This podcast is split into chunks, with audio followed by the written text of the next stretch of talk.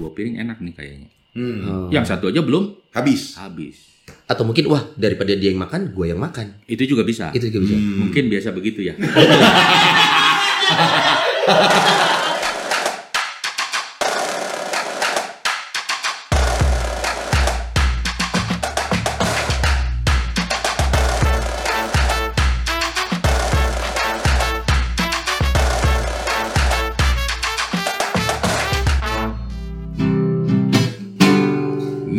Gelis pujaan Neng gelis akan hoyong tepat Upami teu aya pamengan Dinten rebo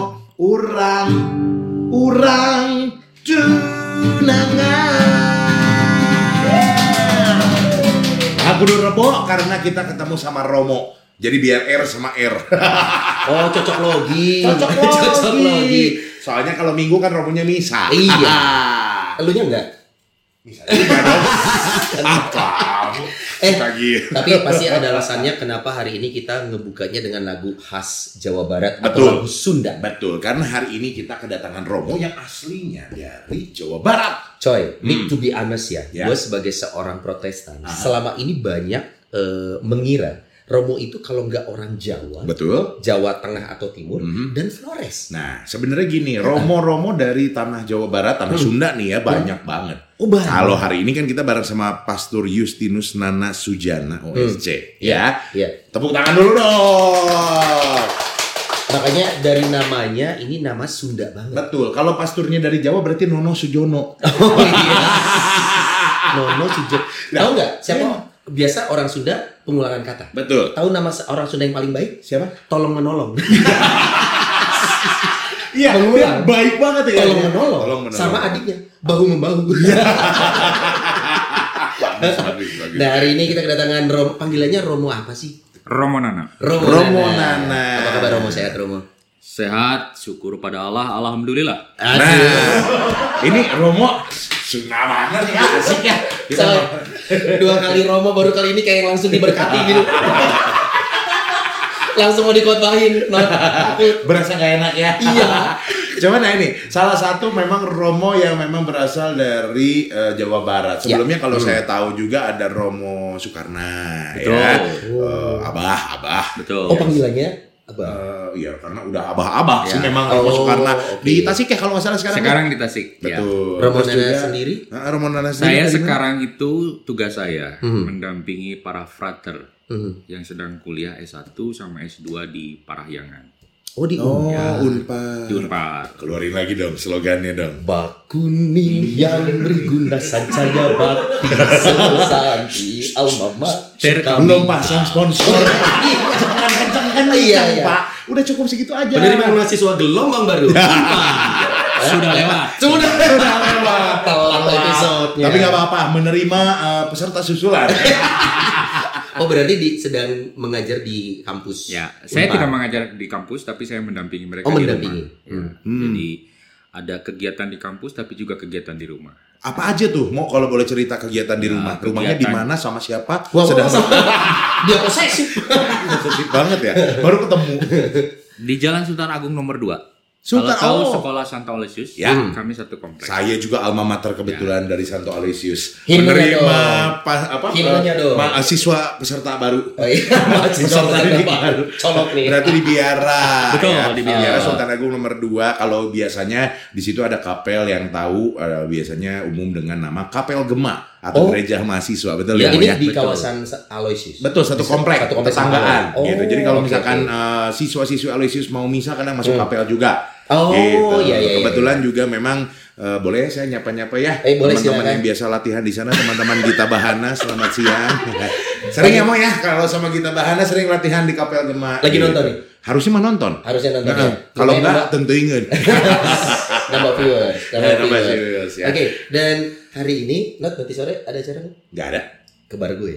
Eh, emang buka? Buka bar gue. Depan Romo jangan ngomong-ngomong bar dong, malu. Emang kenapa? Ini masa bar Ih gimana emang ada bar? jualan mie instan kan? Plus cengek, no. Iya, pakai no. Sama teh tawar panas. Aduh, kopi hidung aja. Dua. Itu bukan bar dong. Kita ini eh, terus terang aja Romo, kita memang lagi episode hari ini. Ah, ah. Ini adalah obrolan eh, yang kategorinya mungkin banyak orang nanya, Mhm. baik itu di lingkungan kita berdua atau di luar lingkungan kita yang melihat kita, wah Nodi dan Sony, mereka minum ya? Eh. Jangan nggak minum nggak hidup. Iya. Pertanyaannya minum apa? Minum apa? Minum Kan apa? Jadi pengen minum dulu. Iya. dia. Nah ini kita kita bakal ngobrol tentang sesuatu yang kenapa ada orang yang bukan Kristiani melihat seolah-olah di Kristiani ini kok semuanya boleh Barebas, sih? barebas gitu ya. nggak ada yang haram gitu untuk orang Kristiani gitu. Hmm. Nah kita ngobrol gitu-gitu Romo. Makanya tadi ngomongin bar, tapi bar saya mau ngomong halal nggak mungkin. Bilang haram takut Bilang gimana? halal takut gimana? Iya, pokoknya Sony ini adalah pengusaha pemilik bar. Eh, tapi jenisnya hidden bar gitu. Iya. Karena namanya nggak akan saya sebut karena belum masuk jadi sponsor Iya iya di iya. sini Nggak, ya. Jangan masuk jangan masuk. Nah, Tapi ini karena eh, sebagai umat Katolik juga saya lihat gitu Mhm. ya Romo ketika kita eh, Ekaristi ada roti dan anggur. Anggur, Nah, betul. Sedangkan kalau di kalangan anak muda ini anggur ini kan eh, sering juga dibilang anggur perjamuan gitu Betul, ya. bahasa pergaulannya Bahasa ya. pergaulannya gitu. Terus udah gitu juga sering kali anggur ini di- diidentikan juga dengan yang wena-wena Iya. gitu kan. Oh, tapi ternyata di gereja Katolik pun juga ada anggur nih yang memang melambangkan darah Kristus. Nah, gimana nih Romo? Cerita dikit dong. Baik. Jadi tadi kan ada kesan ya. Mm-mm. Kok orang Katolik atau Kristen? Kita sebut aja orang Kristiani lah ya. Ya. Orang Kristiani kayaknya nggak ada batasan Iya. dalam soal makan. Semua bisa dimakan. boleh Dan- boleh dimakan. Ya, boleh dimakan. Nah, seolah-olah ya semua halal gitu ya. Seolah-olah. Iya. Nah, memang semua halal. Yes, selesai. Sudah. Kita cuma Terima butuh kasih. itu. Kita cuma butuh itu. Selamat. Selamat berjumpa lagi di episode berikutnya. Sudah. Selesai. Nggak, nggak, nggak. Maksudnya gini Romo. Maksudnya lebih ke eh, ya itu pandangan Iya. orang-orang di luar. Ya mungkin menurut sebagian kita yang orang Kristiani ya memang di kita sih nggak ada larangan Iya. gitu ya. Pasti jawabnya seperti yang Romo jawab tadi, semua halal gitu ya. Pada dasarnya semua halal. Iya. Betul. Ada tapinya nggak? Semua halal. Tentu Oke. ya, tentu itu berarti Benar banget makanan katanya gitu. itu berguna atau enggak? Oh. Iya iya iya iya oke. Yang boleh atau halal itu apakah berguna atau enggak? Hmm. Atau berikutnya apakah legal? Secara hukum negara. Secara hukum positif. hukum Oke, positif. Oke. oke, oke. oke. Contoh, contoh. Emang ada hukum negatif tapi Nggak ada. Tapi pengen negatif sekarang kalau tes tes itu ya. Nggak mau positif. Kenapa disebut hukum neg- positif? Positif. Kenapa mau? Karena yang dihukum negatif. Ya, ya ampun.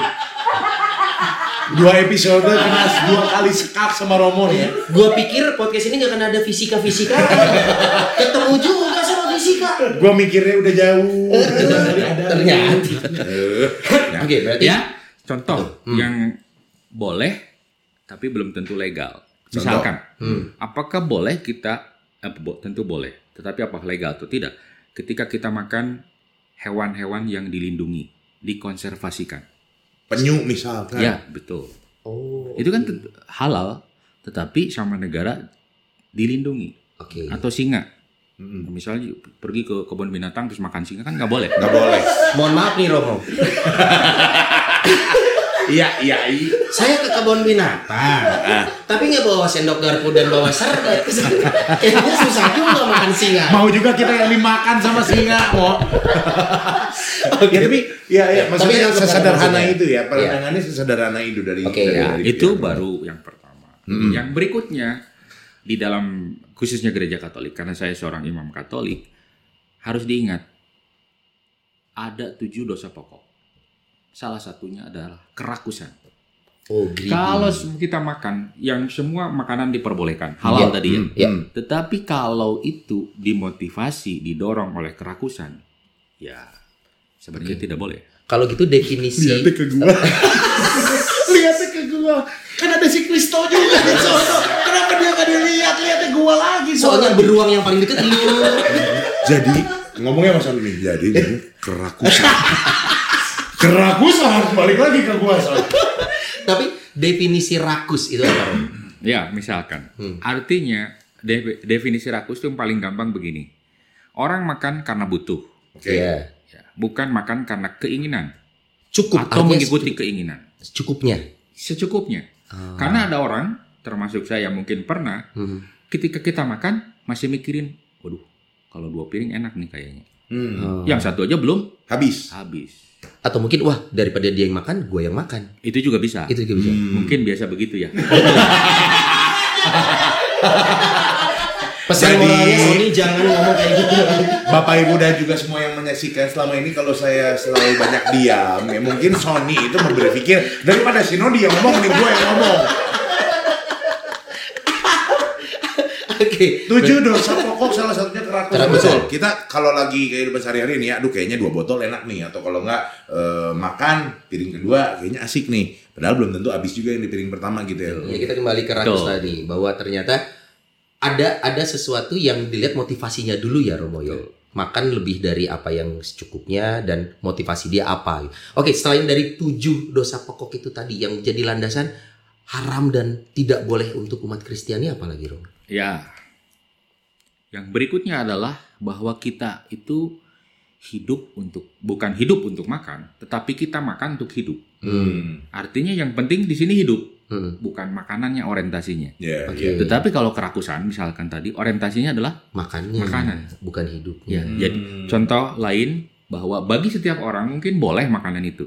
Tetapi bagi saya, misal kalau saya punya penyakit apa? gula gitu ya Ya, Hmm. atau kolesterol, kan ada makanan-makanan yang Pengganti. nggak boleh. tidak boleh. Karena Artinya itu tidak berguna bagi tubuh saya. bahkan membahayakan gitu Iya, ya. Romo, itu ya. yang dimaksud bahwa kita tuh makan untuk hidup, Hmm. bukan hidup untuk makan. Jadi sesuai takaran Kalau hidup untuk porsi. makan, semua juga dimakan, termasuk yang tadi merugikan. Hmm. Oke, boleh sih, tapi kita lihat kalau kesehatan kita jadi terdampak gara-gara makanan itu ya jangan. Betul. Baik. Berarti ada batasannya dan batasannya Betul. juga masing-masing pribadi beda ya, Romo Ya. ya. Hmm. Antara yang satu dengan yang lain walaupun sama-sama umat Kristiani Hmm. gitu ya. Soalnya gini, kalau kita lihat umat Kristiani nih, terutama juga kayak eh, apa namanya kalau kita mau Natal kayak kemarin tuh Hmm. sama apa namanya tahun baru Imlek Hmm. ataupun juga memang habis Paskah juga kan memang kita eh, biasanya agak sedikit di masa prapaskah puasa beres Paskah wih dimakan Hmm. segala-gala terutama yang haram-haram juga mungkin haramnya menurut rekan-rekan kita yang lain gitu ya Betul. nah kayak daging babi dan juga lain sebagainya sebenarnya kalau secara eh, kesehatan juga kan katanya daging babi juga banyak bakterinya eh Nah. eh, apa cacing bla bla bla bla bla bla berarti jawabannya yang tadi Romo bilang Salah satunya. salah satunya Tapi salah kita- duanya Salah duanya kita tidak membahas masalah kesehatan di sini, Hmm, gitu oke. kan. Jadi kita lebih fokuskan lah, Oke. biar kesehatan nanti diundang berikutnya. Oh, iya. Dokter yang ngomong ya. nah iya iya iya, iya. Kabarnya dokter Boyke sih. Kalau itu itu, kesehatan apa dulu pak Hah? Salah. kesehatan apa dulu beda lagi kalau itu kesehatan yang lain. Kesehatan yang lain, tapi tetap hidup sehat. Nah, kalau itu Romo, kalau kalau kita bicara tentang ranah boleh dan tidak boleh, sebenarnya kan ternyata bahasanya adalah boleh, silakan, tapi berarti Betul. ada tapinya. Betul. Nah, pernah nggak sih dibahas dengan tegas gitu batasan yang untuk umat Kristiani? Kalau kita ngobrolin saudara-saudara kita yang Muslim, itu dengan jelas itu mah eh, dengan jelas di gamblang dikatakan tidak boleh makan babi, tidak boleh mengkonsumsi alkohol. Nah, kadang kan di Kristiani ini membuat kita bisa menafsirkan sendiri. Terus terang ya, ini pengakuan dosa nih ya. Zaman muda dulu, Not. Muda dulu, salah satu pembenaran kita mencicipi alkohol, kita kayak mengutip ayat. Jadi kayak, Nah. jangan hanya minum air, sekali-kali minumlah anggur. Sayangnya kita bablas. Nah, batasan yang jelas di, di Kristen itu ada nggak sih Romo? Jangan ini, jangan ini, jangan ini gitu. Baik. Untuk haram. Nah, kalau saya menamakan batasan itu konteks. Oke, Konteks kontekstual nih. itu ya yang me- magari. Magari ya, Hmm. memagari. Kalau rumah nggak ada temboknya bukan rumah kali ya. kuldesak itu. Eh ada klaster baru ada bagus loh. klaster baru. Senin harga naik Ya iklan ya. Oke. ya jadi konteksnya. Hmm. dan konteksnya ini tentu sesuai dengan konteks zamannya. Ya. Ya. Di dalam gereja Katolik ada juga ada ajarannya. Maksudnya ajarannya sorry. Ajarannya itu konteks ini mari kita, saya nanti sebentar akan melihat Mm-mm. konteksnya supaya orang mengerti tidak hanya sekedar bahwa boleh-boleh saja Oke. Itu. Terus kalau orang kalau Anda pernah baca kitab suci, Pernah kok Romo oh, sekali iya. dua kali. Lihatnya juga ke gua lagi. Kalau anda pernah baca kitab suci, kayaknya seorang robot bisa nilai yang mana yang suka baca yang enggak. Ya. Soalnya kalau orang pernah baca kitab suci Hmm. di kitab Imamat Ulangan, bahkan yang paling seru kalau kita mendengar di di di Makabe, dua Makabe ya, ada ibu yang punya tujuh anak. Hmm. Terus anaknya semua di dimatiin sama raja ya. Karena suruh apa? Suruh makan daging babi. Sedangkan mereka menolak. Maka mereka anak-anaknya dibakar, termasuk ibunya. Hmm. Oke. Nah berarti lo kok kayaknya di kitab di kitab suci ada tuh peristiwa itu. Tapi Iya. kenapa orang-orang Kristiani sekarang kok boleh semua makan? Kan Iya, gitu iya, kan? iya, iya, Nah, iya, iya. Jadi konteks yang pertama itu konteks kultur Yahudi. Hmm. Ya. Oke. Saudara-saudara kita yang Muslim pun eh, lahir juga berbarengan dengan eh, di kultur Yahudi ya. Yes, Ya, betul. Ya, Betul. Termasuk ya kita perjanjian lama itu kulturnya kultur Yahudi Hmm. Hmm. tentang sunat. Iya. Saya nggak mau tanya sunat atau tidak. Aduh. Eh, skip. Udah komen. Nanti eh, kalau ada dokter Boyke baru ngobrol. itu masuk, itu masuk. Nah, tapi tentang makanan. Hmm. Tetapi di dalam kitab kejadian kan kita dikatakan bahwa semua makanan itu boleh dimakan. Nah, betul. Saya kalau gitu takut salah ya, maka Iya, saya iya. harus lihat catatan saya supaya tidak salah, supaya tidak ada orang yang buang-buang waktu mengadukan saya. Atau Kak Ros, contohlah Romo. Dibuat gitu loh buat kami berdua panduan nah ini, kan. ini ya mana tadi? Romo aja masih nyontek. Mohon maaf kalau kita suka salah-salah. Nah ini. Romo nanti saya fotokopi ya. Oh. saya persiapkan supaya tidak salah. Eh. Disaka- dikatakan kejadian bab 9 ayat 3. Hmm. Saya bukan orang bukan pendeta. Kalau pendeta biasanya hafalin. hafal, Mungkin betul. karena punya banyak waktu ya. Iya.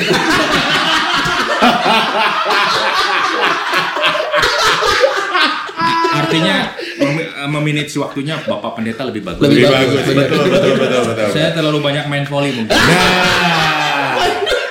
Kenapa harus volley juga, Bo? Dia kalau di tanah Sunda tuh kalau main volley, los ai gitu. Biasanya Pak Ai di belakang tuh. Los, Tokser, tokser. Kejadian 9 ayat 3 dikatakan segala yang bergerak yang hidup akan menjadi makananmu. Hmm. Aku telah memberikannya semua itu kepadamu. Ya. Artinya kitab kitab kejadian itu kitab paling awal. Iya. Ya. Itu sudah dikatakan bahwa semuanya yang bergerak itu Menjadi yang sumber tidak makan. bergerak pun tapi nggak tahu yang bergerak-gerak. Ups, ups. Jadi semuanya halal. Oke. Ya. Nah ini konteksnya. Iya. Loh kok kalau nanti ada yang bilang pasur kan ada tuh di imamat di, bahkan di Makabe tadi cerita Hmm. ibu yang punya tujuh anak itu berarti kan ada makanan yang haram Hmm. yang dilarang. Hmm. Nah, mari kita lihat itu konteksnya. Hmm. Konteks saat itu di dalam perjanjian lama itu konteksnya haram dan halal itu adalah konteks najis dan kudus. Oke. Kenajisan dan kekudusan. Hmm. Nah, bangsa Israel yang adalah orang Yahudi ya, Hmm. kultur Yahudi itu dikuduskan. Dikuduskan dalam arti kalau diterjemahkan kudus kekudusan itu dipisahkan, diistimewakan. Nah, Ya. Oke. Maka seperti sama suami istri, mengudu- suami misalnya mau menguduskan istrinya, berarti kan diistimewakan dari perempuan-perempuan yang lain. Hmm. Ya, Hmm. perempuan ini mau disatuin rumah dengan dia, yang lain di luar rumah. Nah, kok gitu? Ups. Dan lihatnya ke lu, Son. Lihatnya ke lu kali Yang ini, Son. ke gue. Mau salam dulu sama istri. Mending gue jadi yang rakus aja dah. Mama, mama. Bilang dong. Minta maaf dulu, mama. Nah, di kudus kekudusan dan kenajisan tadi itu berkaitan dengan bangsa terpilih Israel sebagai bangsa terpilih, Hmm. ya sebagai bangsa terpilih dikuduskan. Maka hal-hal yang di luar kekudusan itu berarti kenajisan. Oke. Maka bangsa Israel yang diistimewakan ini, ya ada hal-hal yang diminta oleh bang- oleh Allah kepada bangsa Israel. Salah satunya adalah misalkan ketika mereka memuji Tuhan atau beribadat kepada Tuhan, tidak boleh seperti bangsa-bangsa lain. Hmm. Ya, seperti apa mempersembahkan eh, memakan makanan yang sudah dipersembahkan kepada dewa dewinya Iya. misalkan ah. itu Tuhan menginginkan itu Heeh. kepada orang-orang Israel yang diistimewakan ini. Hmm. Ini sebenarnya kan masuk akal. Ya. Karena apa? Karena yang menguduskan Israel itu Allah.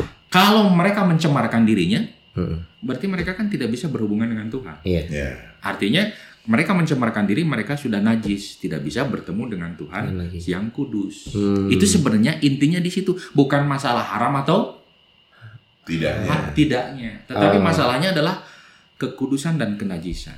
Oh, oke. It- itu intinya, itu yang harus dipahami konteksnya.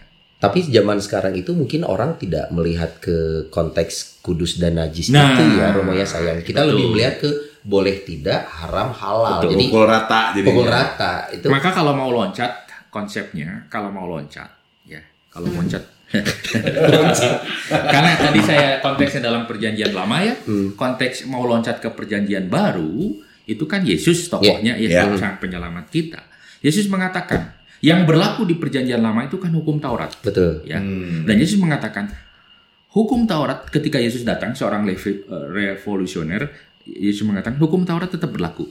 Tetapi aku datang untuk menyempurnakannya. Ya. Dan tindakan-tindakan Yesus yang salah satunya menurut orang-orang Yahudi adalah melanggar ahli Taurat itu adalah tindakan untuk menyempurnakan hukum. Taurat. Hmm. Oh, Jadi itu yang harus oke. harus dimengertinya bahwa Yesus itu mengakui hukum Taurat. Betul. Tidak ada yang satu iota pun, Heeh. Ya. iota satu titik pun ya, Ya. itu baru titik loh, Hmm. belum huruf, Iya. belum lagi kalimat. Iya. Titik pun tidak akan ada yang dihilangkan. Hmm. Tetapi aku datang untuk menyempurnakan. Oke. Hmm. Maksud dari hukum Taurat ingin aku sempurna dan salah satu atau beberapa salah-salah lainnya Hmm. itu tindakan-tindakan Yesus. Misalkan Yesus menyembuhkan orang pada hari Sabat. Nah, Itu kan melanggar hukum Sabat sebenarnya Sabat, karena ya. tidak boleh Tidak sebenarnya. boleh Tapi Yesus mengatakan penyempurnaan aku terhadap hukum Sabat Hmm. bahwa Allah itu peduli pada manusia. Hmm.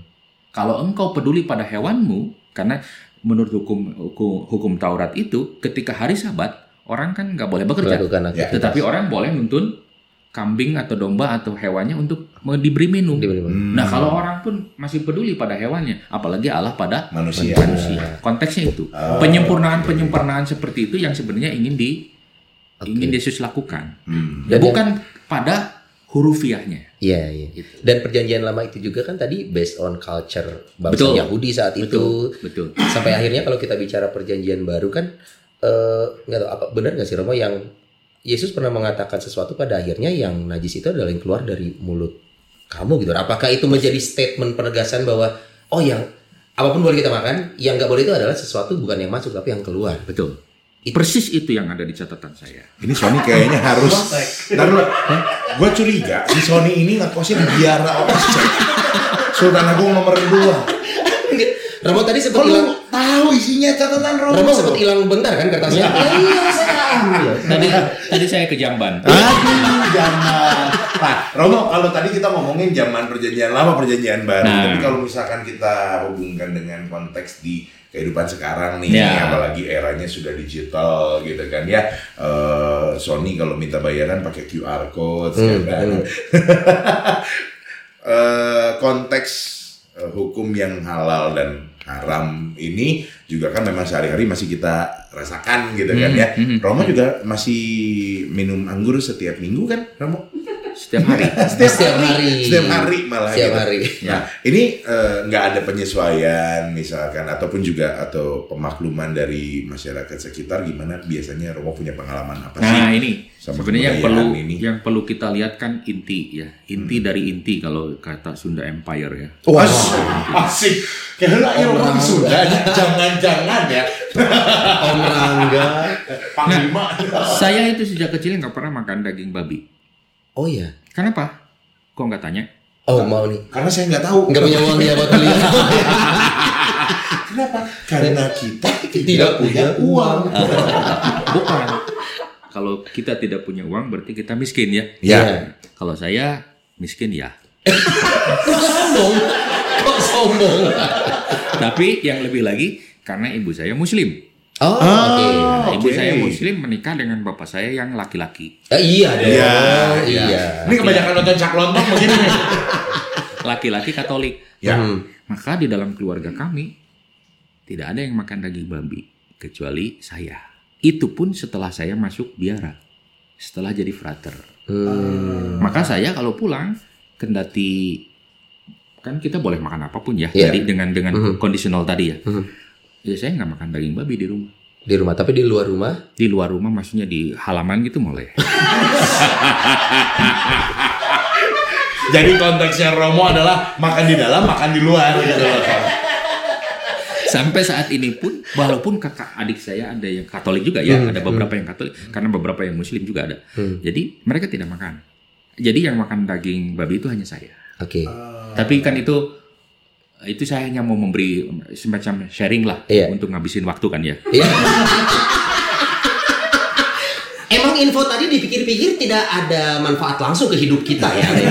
Tapi eh, eh, ha- eh, FYI aja. FYI. FYI. Tapi ternyata FYI ini menurut saya sih soalnya Iya. gitu. Ini adalah sharing dari Romo tentang eh, ya itu perbedaan yang ternyata dari kecil udah selalu dirasakan Iya. sama Romo. Betul. Gitu loh. Karena memang kalau untuk rekan-rekan kita yang muslim memang nggak boleh sama Iya. sekali. Betul, Jadi betul. memang Romo dan kakak-kakaknya pun walaupun eh, apa namanya Kristiani Hmm. tapi tetap menghargai gitu ya. Kalau gitu apa-apa yang mendasari Romo yang mengatakan kita atau Romo boleh makan daging babi? Ya. Ya itu. Tidak ada contekan lagi kan? Ada lagi. Tidak. Yang mendasarinya ketika Eh. saya masuk frater ya memang di dalam di dalam ajaran gereja Katolik kita tidak pernah dilarang untuk makan apa pun. Ya. Ah, Bahkan oke. kalau masa prapaskah ya, Hmm. kan kita ada yang namanya pantang tuh. Betul betul. Ya, Betul, betul. Ada pantang apa yang mau dipantangin? Tentang daging. Ya. Nah ini nih, pantang- nih kalau orang luar biasanya Iya. pantang daging. Hmm. Iya, sebagainya. biasanya yang gue tahu itu sih. Iya, tapi pantang daging. ternyata kalau pantang menurut gereja Katolik gimana dong? Ya, Eh, jadi kirain mau jelasin. Ya enggak, nanti gue jadi Romo dong kalau gitu. ya ada yang dipantangin untuk apa? Inti dari itu bukan kita mau menghindari makanan itu, Ya. tetapi spirit atau motivasi dari situ adalah bahwa kita mau solider, Hmm. mau solider dengan orang lain. Yang se- se- kalau misalkan nih orang di kampung makan daging seminggu sekali, Iya. mungkin juga tidak, Hmm. kecuali daging itu ya, daging dalam bayangan mungkin. Wah, apalagi ya? Tapi kalau orang kota Sana ngomong Feihung ya itu. Ngomong Feihung tenangan tanpa bayangan. Nah, Tapi kalau orang kota mungkin setiap hari makan daging. Iya. Maka kalau orang kampung yang tidak pernah makan daging terus mencantumkan pantangnya makan daging, percuma. percuma nggak poin ya pantang Iya. gitu cara namanya. Tidak ada artinya.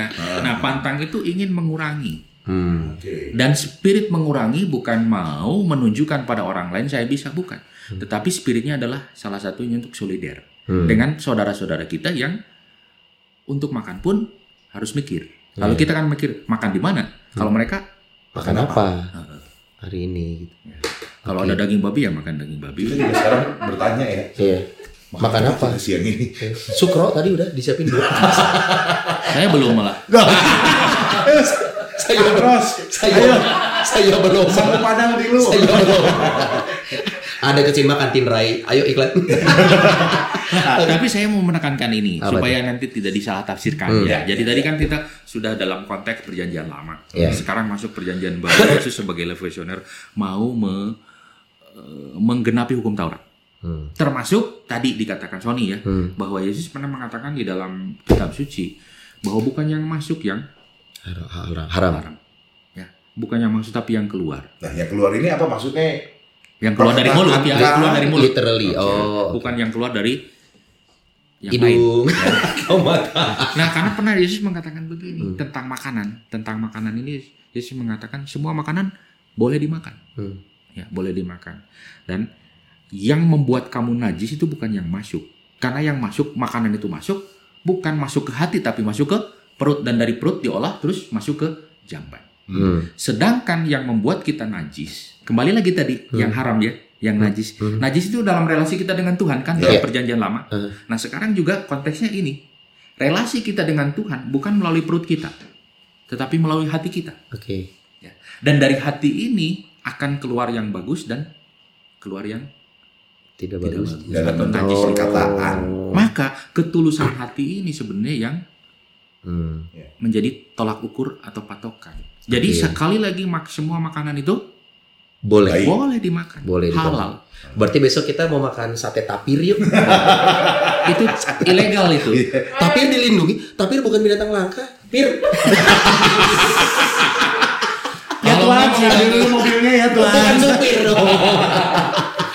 Jadi boleh tapi lihat dulu Lihat hukum dulu. positif. Iya. Ah, oke. Kan kalau kalau misalkan saudara kita yang muslim juga pernah eh, mengatakan kalau alkohol memang nggak boleh ya. Hmm. Tapi ada beberapa yang yang nggak boleh itu kalau sudah memabukkan. Sekarang kita coba ngambil contohnya alkohol nih. Betul. Ya, jangan babi lagi udah Jangan ya. lagi. Babi aman ya bro. Aman. Besok kita ke lima serangkai. Siap. siap. Nah Deal. ini alkohol. Milu lah saya.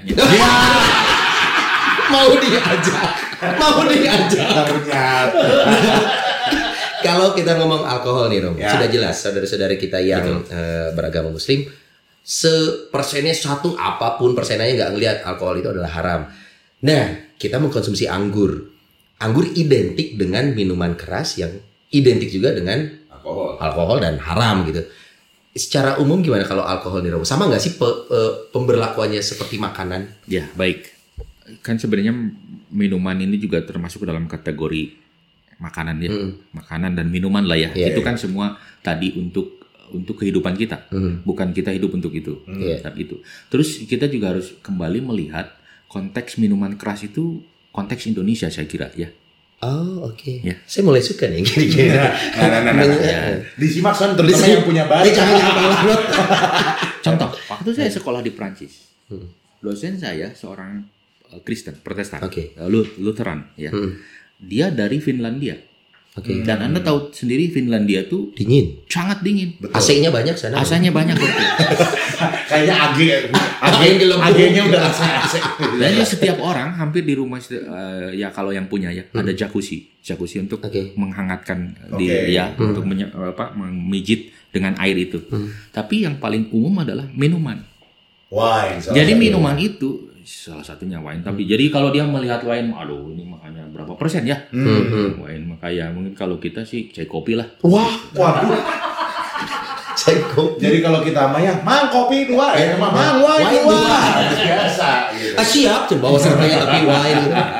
Jadi minuman itu khususnya di musim dingin itu bagian dari hidup mereka. Fungsinya untuk menghangatkan itu. Betul. Untuk mengangkat tubuhnya. Karena udara di luar sangat Dingin. tapi mereka kan harus hidup. Ya. Tetap harus bekerja, harus sekolah, harus juga tidur. Hmm. Kalau tidur juga kalau terlalu dingin nggak bisa tidur. Ya. Iya. Mengkeret, mengkerut gitu. Kayak lah. Tegenahin ya, tegenahin di bahasanya ya. Mengkerut, mengkerut. Aku mulai gak nyaman. Karena mengkerut. Muringkal. Bahasa Sunda itu muringkal. Muring- muringkal. Muringkal. Eh. Rancucutnya. Aduh.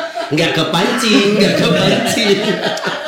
Nah, Eh. kalau di Prancis sendiri Hmm. ada juga jenis wine, wine table. Oke. Itu yang untuk makan sehari-hari. Heeh. Jadi Pairing ke makanan maksudnya. betul, setiap Oke. hari mereka itu minum wine. Terutama es teh manis, Ya, dia. Tetapi yang perlu kita salut dari mereka, ya khususnya di Prancis dan Amerika, anak di bawah 21 tahun sama sekali tidak boleh minum wine, Wine. atau apa pun yang mengandung alkohol. Karena aturannya begitu. Oke. Oke. Jadi mereka mengikuti aturan. Ini terlepas dari nakal, curi-curi segala macam betul. ya. Itu Oke. terlepas dari itu ya. Hmm. Termasuk merokok. Oke. Ya kalau ada anak di bawah 18 tahun mencurigakan nih misalnya men- mau beli rokok, si tukangnya akan minta apa namanya? KTP, KTP KTP. ID. Kalau kita mau KTP lah. Hmm. Itu berarti ini. Jadi maksudnya bukan masalah halal atau tidak nih, tapi ini masalah Rules. rules-nya yang ada di tatanan masyarakat. Oke. Oke. Tentu orang-orang baik di Finland maupun di Prancis bukan minum wine untuk mabok. Hmm. Kan Ya, itu ya. motivasinya lain. Ya, Yes. ya, ya, ya. Hmm. Ada kalau di kita di kampung mah mabuk, minum wine uh, anggur orang tua yang Ciu, untuk mabok, ciu. ciu, dicampur air Ini oh, lotion nyamuk. Ah, masih ada Atau lagi. batuk. Iya, betul. Masih campur lagi air-air seni yang lain. Ya. Ups. Ya, jadi konteksnya itu saya kira. Ya. Kegunaannya. Betul. Tadi tadi boleh. Kan tadi dikatakan saya di awal makanan dan termasuk minuman juga boleh. Iya. Tetapi apakah berguna? Ya. Apalah legal atau enggak? Hmm. Kata tadi daging tapir. saya lihat tadinya ya kudu. Iya. ya, Romo nggak selamat ini kan saya aja Romo. ya daging tapir apa- atau daging yang dilindungi. Iya. Itu kan boleh tapi kan Oke. ilegal. Artinya Romo sulit nggak sih mengedukasi orang ya yang akhirnya kita pahami bahwa ternyata bukan tentang eh, alkohol itu memabukkan segala macam ternyata tergantung motivasinya juga Konteksnya. Ta- betul tapi terlanjur di luar mengatakan ah orang Kristiani mah boleh minum boleh mabuk Terutama kalau kita lari ke Indonesia Timur itu ya, kayaknya kalau ada perayaan apa Hmm. Iya, mabuk, selebrasinya. mabuk begitu ya. Nah, itu jadi ah, mengedukasinya budaya, gimana budaya. gitu Nah, begini, ada dua hal. Hal yang pertama, saya masih ingat seorang Prancis eh, yang sangat sepuh waktu itu mengatakan, oh laki-laki eh, eh, apa orang yang mengerti tentang anggur tidak akan pernah mabok. nah oke Oh, Satu oke. itu. Hmm. Ya. Sama seperti yaitu orang yang mengerti ang- wine tidak akan pernah mabok. Itu Artinya orang tidak yang per- tidak akan pernah mengabuse. oh, oke Ya, itu. orang Jadi yang ngomong gitu lagi mabuk juga tuh enggak. Ya. Atau mungkin saat itu saya yang lagi mabuk. yang mendengarnya itu. itu yang pertama. Yang kedua, tadi eh, Nodi. Nodi. Nodi mengatakan culture ya. Culture. Betul. Ada culture-culture yang memang perlu di redemption, dibebaskan. oke Artinya ada culture-culture yang tidak semua culture itu baik sesuai dengan nilai-nilai Kristiani. Tetapi gereja memandang culture itu baik, tetapi ada culture-culture yang harus di redemption, dibebaskan sesuai dengan nilai-nilai Kristiani sesuai dengan ajaran Hmm. Kristus. Maka ya tadi kalau tujuan pesta pasti kan ada tuh di di YouTube ya. Hmm. Pa- Papa nggak boleh pulang sebelum mabok. Ah iya iya istrinya. itu TikTok ada Taruh, gitu lihat dulu linknya. yang mana ya? nanti di share Nah, Enggak, hal-hal yang seperti ini, hal-hal yang seperti ini, kultur-kultur yang seperti ini yang harusnya dikoreksi ya kita. Hmm. Ya. Maka semua makanan, semua minuman itu halal. Tapi tadi, apakah berguna atau enggak? hmm. Apakah legal atau enggak? oke Apakah juga intinya satu bahwa kita eh, makan untuk hidup. Kita untuk kehidupan kita, segala apa pun itu. Bukan untuk merusak hidup kita. Takut terjebak di ini nggak sih Romo saat itu dikembalikan ke diri sendiri ya Hmm. boleh tapi ini berguna apa tidak kita kan akan jadi ada adjustment oh buat gue berguna tapi buat, Buat orang lain buat lo kan. ya. tapi buat orang lain berguna apa tidak kan jadi subjektif sekali nah itu jadi jadi mengarah ke sana ada kekhawatiran Ya. Sesuatu yang baik itu sebenarnya tidak subjektif. Hmm, Sesuatu yang baik itu selalu objektif. harusnya. Artinya kebaikan itu tidak pernah menurut saya baik. hmm, Enggak. ya Belum tentu menurut kamu baik, tapi kalau menurut masyarakat baik, itu baik itu baik. Maka ada yang namanya hukum positif, Iya. ada namanya ajaran gereja, ada namanya kalau saudara-saudara kita syariat syariat, syariat Islam dan lain sebagainya. Itu kan sebenarnya eh, objektif iya nilainya. iya Nah, yang paling bahaya itu kalau orang sudah Menang. subjektif, tafsir sendiri itu menafsirkan ya. sendiri. Dan kadang dasarnya juga nggak jelas. Iya, dasarnya suka tidak suka atau menguntungkan atau tidak. Diri itu yang paling repot. kalau Karena banyak son yang memang ternyata mereka makan daging babi kalau beberapa Hmm. orang suka banget ya, yang Iya. beberapa lagi malah nggak mau, enak katanya. iya iya nggak suka padahal boleh gitu Iya, iya, iya. Bener, bener, bener, Ya, bener, jadi bener. itu beneran eh, menurut uh, Romonana tadi kan bahwa kita boleh asal Nah, lagi, konteksnya apa dan masyarakat menilainya gimana Nah, dan ini ada ada sebenarnya ada ada kasus eh, case yang menarik tentang waktu Petrus ya dihadapkan pan Petrus diberikan tuh illumination apa pewahyuan tentang daftar makanan atau daging yang tidak boleh dimakan. Itu diberikan semua kepada kepada Petrus. Makna dari itu apa sebenarnya? Bahwa semua tadi kembali lagi semua makanan itu boleh dimakan. Hmm. Nah, saat itu adalah posisi di mana gereja atau pengikut Kristus itu bukan hanya milik orang Yahudi. Dan bu- orang bukan milik orang Yahudi artinya mereka juga punya kultur sendiri. Iya. Dan mereka juga kan nggak mau kalau jadi pengikut Kristus harus disunat. iya Harus tidak makan daging babi. Artinya yang lebih utama itu apa? Mengikuti Kristusnya kan? Hmm.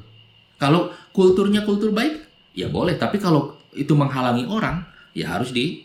Maka di situ dikatakan boleh kamu makan apa, asal jangan. Eh, kalau Petrus mengatakan, Hmm. asal jangan makanan-makanan yang sudah dipersembahkan kepada dewa dewi, jangan kamu makan. Tetapi Paulus mengatakan, Paulus masih lebih lebih ini lagi, lebih lebih keras lagi. Dia mengatakan, emang gua pikirin Hmm. konsepnya gitu gitu aja repot kalau bahasa gusurnya kan gitu. Paulus begitu lah saya nggak percaya pada dewa dewi kalau kamu mempersembahkan makanan pada dewa dewi saya tidak percaya. Berarti itu kan tidak berpengaruh pada saya. Saya. Nah, saya bisa memakannya. Tapi kata Paulus Kalau itu membuat batu sandungan bagi orang lain, Ya. ya, oh, janganlah. Jangan. Kasihan orang itu bukan kasihan pada kitanya, Iya, iya, iya, kasihan iya, pada dia nanti imannya goyang, Paham. Betul. goyang-goyang gitu. Iya.